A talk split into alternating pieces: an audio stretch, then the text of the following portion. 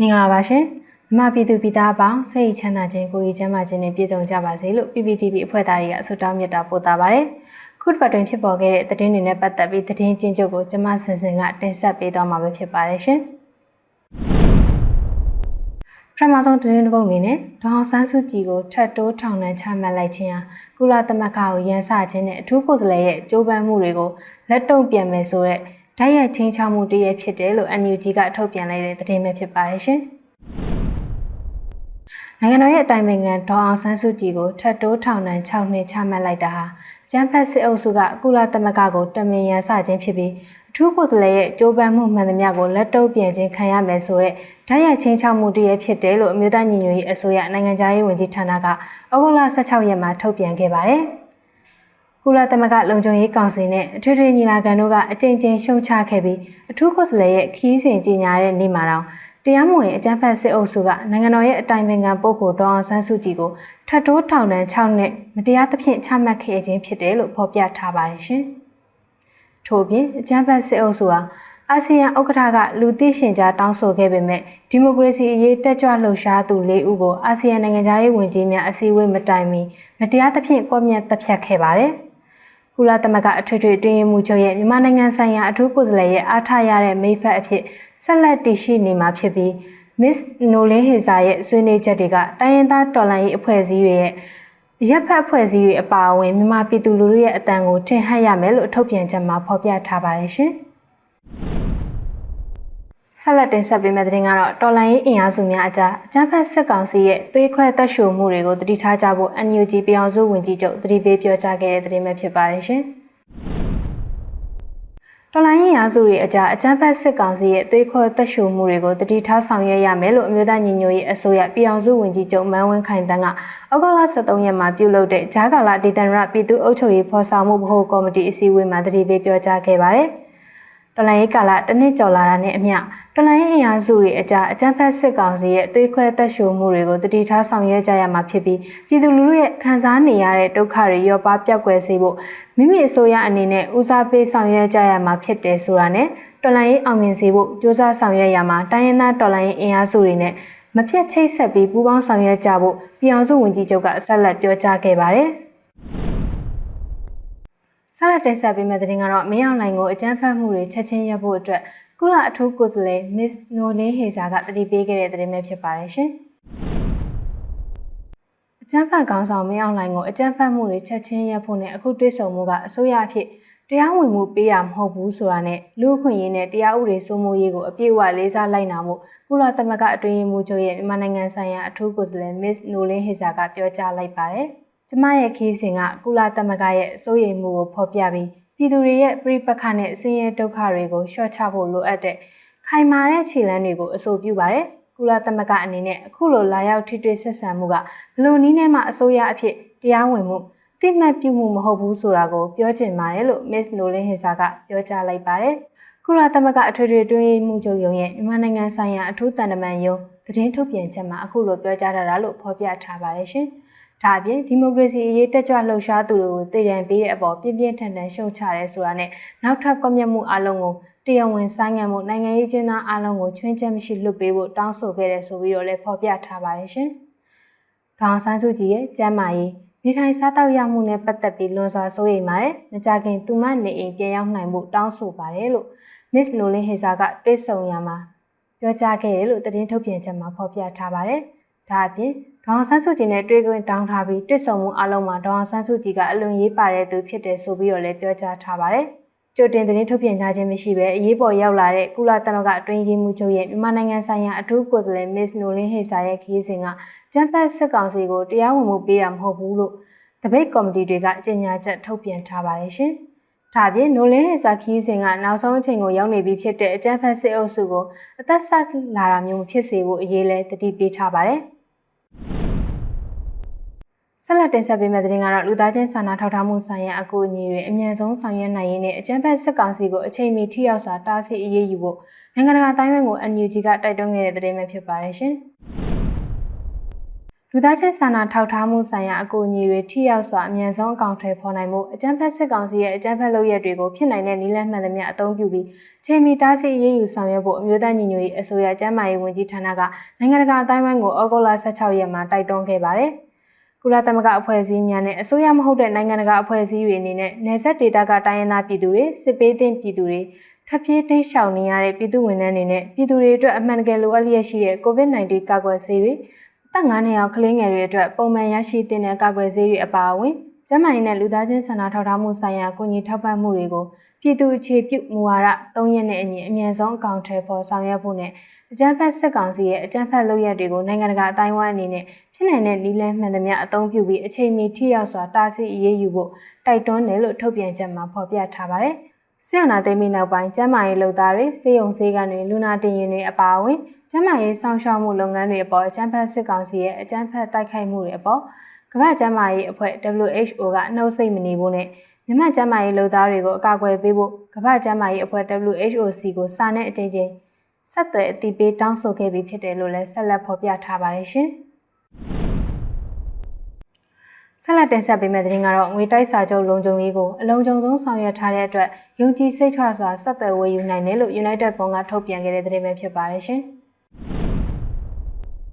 မြို့သားညီညွတ်ရေးအစိုးရကရောင်းချနေတဲ့ငွေတိုက်စာချုပ်ရဲ့လုံခြုံရေးကိုအလုံးစုံဆုံးဖြစ်အောင်စီမံဆောင်ရွက်ထားတဲ့အတွက်ပြည်သူတွေအနေနဲ့ယုံကြည်စိတ်ချစွာနဲ့ဆက်သွယ်ဝေယူနိုင်တယ်လို့မြို့သားညီညွတ်ရေးအစိုးရစီမံကိန်းဗဏ္ဍာရေးနဲ့ယင်းနှိမ့်မြုပ်နှံမှုဝန်ကြီးဌာနရဲ့ United ဘုံကအောက်တိုဘာ16ရက်မှာထုတ်ပြန်ခဲ့ပါတယ်။တော်လိုင်းရေးကာလအတွင်းတော်လန်ပြည်သူတွေရဲ့လုံခြုံရေးကအရေးကြီးဆုံးဖြစ်တဲ့အတွက်ငွေတိုက်စာချုပ်ဝယ်ယူသူတွေရဲ့ကိုရေးအချက်လက်တွေအပါအဝင်ဝယ်ယူသူကိုပါလှုပ်ဝက်ထားနိုင်အောင်စီစဉ်ထားတယ်လို့ United ဘုံကဆိုပါတယ်။ ငွေပေးချေချိန်မှာ email address သာပေးဖို့လိုအပ်ပြီးငွေတိုက်စာချုပ်ကိုယ်စားလှယ်ကငွေလက်ခံရရှိကြောင်းပြေစာ email လက်ခံရရှိချိန်မှာငွေတိုက်စာချုပ်မှာထည့်သွင်းရေးသားရမယ့်ကိုရေးချက်လက်အတွက်ပုံစံခဖောင်လင့်တစ်ခုပါလာမှာဖြစ်ပြီးပုံစံခကိုမိမိတို့ကိုယ်တိုင်ဖြည့်သွင်းခြင်းဖြင့်ကိုရေးအချက်လက်ကိုခြားသူများမသိအောင်ဝယ်ယူနိုင်မှာဖြစ်တယ်လို့ဖော်ပြထားပါတယ်ရှင်။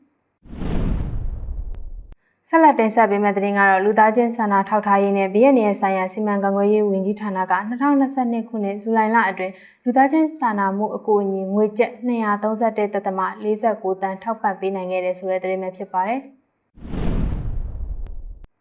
ဇူလိုင်လအတွင်းလူသားချင်းစာနာမှုအကူအညီငွေကျပ်231.49တန်ကူညီထောက်ပံ့ပေးနိုင်ခဲ့တယ်လို့အမျိုးသားညီညွတ်ရေးအစိုးရလူသားချင်းစာနာထောက်ထားရေးနဲ့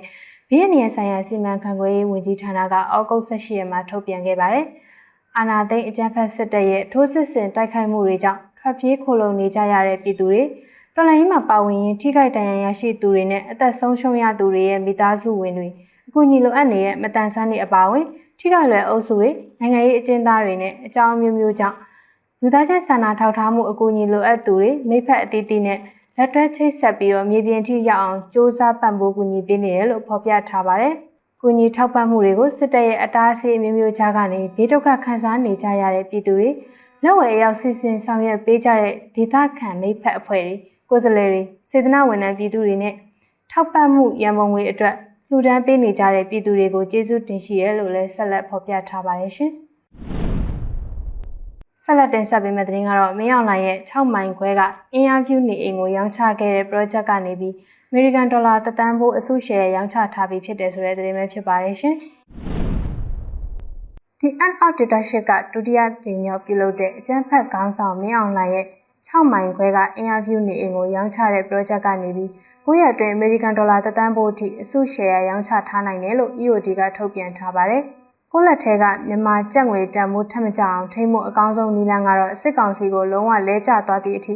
အဆက်မပြတ်ထိုးနှက်ရမှာသုံးမဲ့ EOD share နဲ့ဘုံဝယ်ယူခြင်းပဲဖြစ်တယ်။ဒီနည်းကသာစစ်အာဏာရှင်ကိုအမြန်ဆုံးဖြုတ်ချနိုင်မိမိမြန်မာကျပ်ငွေများကိုလည်းမဆုံးရှုံးရမယ့် win-win strategy ဖြစ်တယ်လို့ The Art of Direction ကပြောထားပါတယ်။ကျန်းဖက်ကောင်းဆောင်မင်းအောင်လှိုင်ရဲ့ညံပြင်းတဲ့စီမံခန့်ခွဲမှုတွေကြောင့်မြန်မာငွေကျပ်တန်ဖိုးကထိန်းချုပ်လို့မရနိုင်တော့အောင်ကျဆင်းနေရလဲဖြစ်ပါတယ်။ ချင်းချရှင်းမဲ့အင်အားစီစဉ်နေလို့အမိပေးထားတဲ့မင်းအောင်လှိုင်ရဲ့6မိုင်ခွဲကအင်အားပြုနေအိမ်ကိုအမျိုးသားညီညွတ်ရေးအစိုးရစီမံကိန်းဗဏ္ဍာရေးနဲ့ရင်းနှီးမြှုပ်နှံမှုဝန်ကြီးဌာနကနေအိမ်တန်ဖိုးကိုအမေရိကန်ဒေါ်လာ9တန်းအဖြစ်သတ်မှတ်ပြီးအစုရှယ်ယာတစုကိုဒေါ်လာ100နဲ့ရှယ်ယာပေါင်း9000အထိရောင်းချမှာဖြစ်ပါတယ်ရှင်။ဆက်လက်တင်ဆက်ပေးမယ့်သတင်းကတော့ຫນွေဦးထီတစ်နှစ်ပြည့်အဖြစ် NUG ပေးနဲ့အတူပြန်လည်စတင်တော့မယ်ဆိုတဲ့သတင်းပဲဖြစ်ပါတယ်ရှင်။ ကျန်းဖက်စစ်ကောင်စီရဲ့အောင်ပါလီထီကိုအလဲထိုးနိုင်ခဲ့တဲ့နှွေဦးထီကတော့ဩဂုတ်15ရက်မှာတစ်နှစ်ပြည့်ပြီဖြစ်ပြီးတစ်နှစ်ပြည့်အနေနဲ့ NUG ပေးနဲ့အတူပြန်လည်စတင်တော့မှာဖြစ်တယ်လို့နှွေဦးထီမိသားစုကဩဂုတ်လ16ရက်မှာကြေညာလိုက်ပါတယ်။နှွေဦးထီမိသားစုရဲ့ကြေညာချက်မှာတော့တစ်နှစ်အတွင်းမှာကြုံတွေ့ခဲ့ရတဲ့အခက်အခဲစိန်ခေါ်မှုတွေကိုကြော်လွှားနိုင်မှုတော်လှန်ရေးအင်အားစုတွေအတွက်အလုံးစုံစိတ်ချရဆုံးဖြစ်တဲ့ NUG ပေးနဲ့အတူမကြခင်ချိန်မှာပြန်လည်စတင်တော့မှာဖြစ်တယ်လို့ဖော်ပြထားပါတယ်။ NUG ပေးနဲ့ຫນွေဦးထီကိုဝယ်ယူအားပေးဖို့ဘယ်လိုလုပ်ရမလဲဆိုတာကိုအသေးစိတ်အချက်လက်တွေကိုထုတ်ပြန်ပေးသွားမှာဖြစ်ပြီးအခက်အခဲတွေကြားတဲ့ကအားပေးခဲ့ကြတဲ့မိဘပြည်သူတွေအားလုံးကိုအထူးပင်ကျေးဇူးတင်နေဆိုပြီးတော့လည်းဖော်ပြထားတာတွေ့ရပါတယ်ရှင်။ဆက်လက်တင်ဆက်ပေးမယ့်သတင်းကတော့ဂျာကာလာဒေသန္တရပြည်သူ့အုပ်ချုပ်ရေးဖော်ဆောင်မှုဗဟိုကော်မတီနဲ့ KPICT တို့ပထမကြိမ်တွေ့ဆုံဆွေးနွေးမှုတွေပြုလုပ်ခဲ့တဲ့ဆိုတဲ့သတင်းပဲဖြစ်ပါတယ်ရှင်။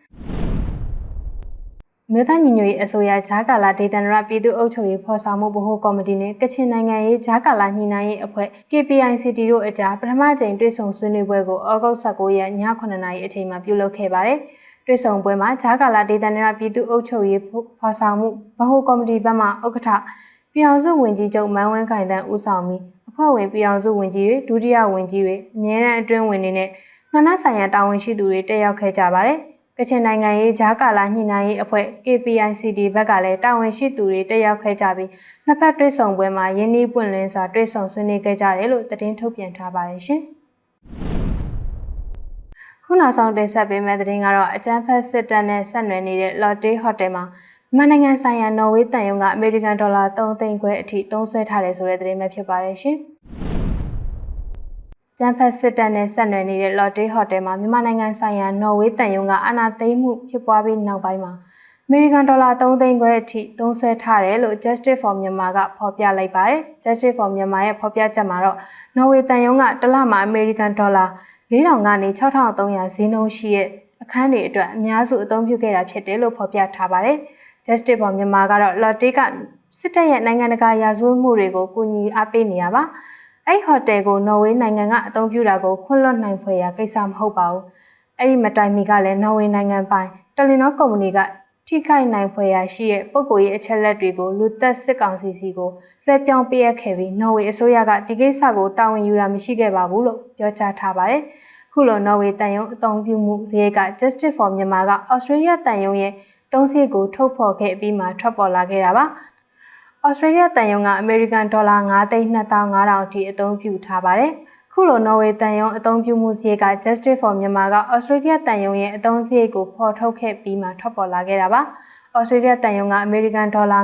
9,2500အထိအသုံးပြုထားပါတယ်ရှင်။ဒါကတော့တပတ်တွင်းဖြစ်ပေါ်ခဲ့တဲ့သတင်းချင်းချုပ်ကိုတင်ဆက်ပေးခဲ့တာပဲဖြစ်ပါတယ်ကျေးဇူးတင်ပါတယ်ရှင်။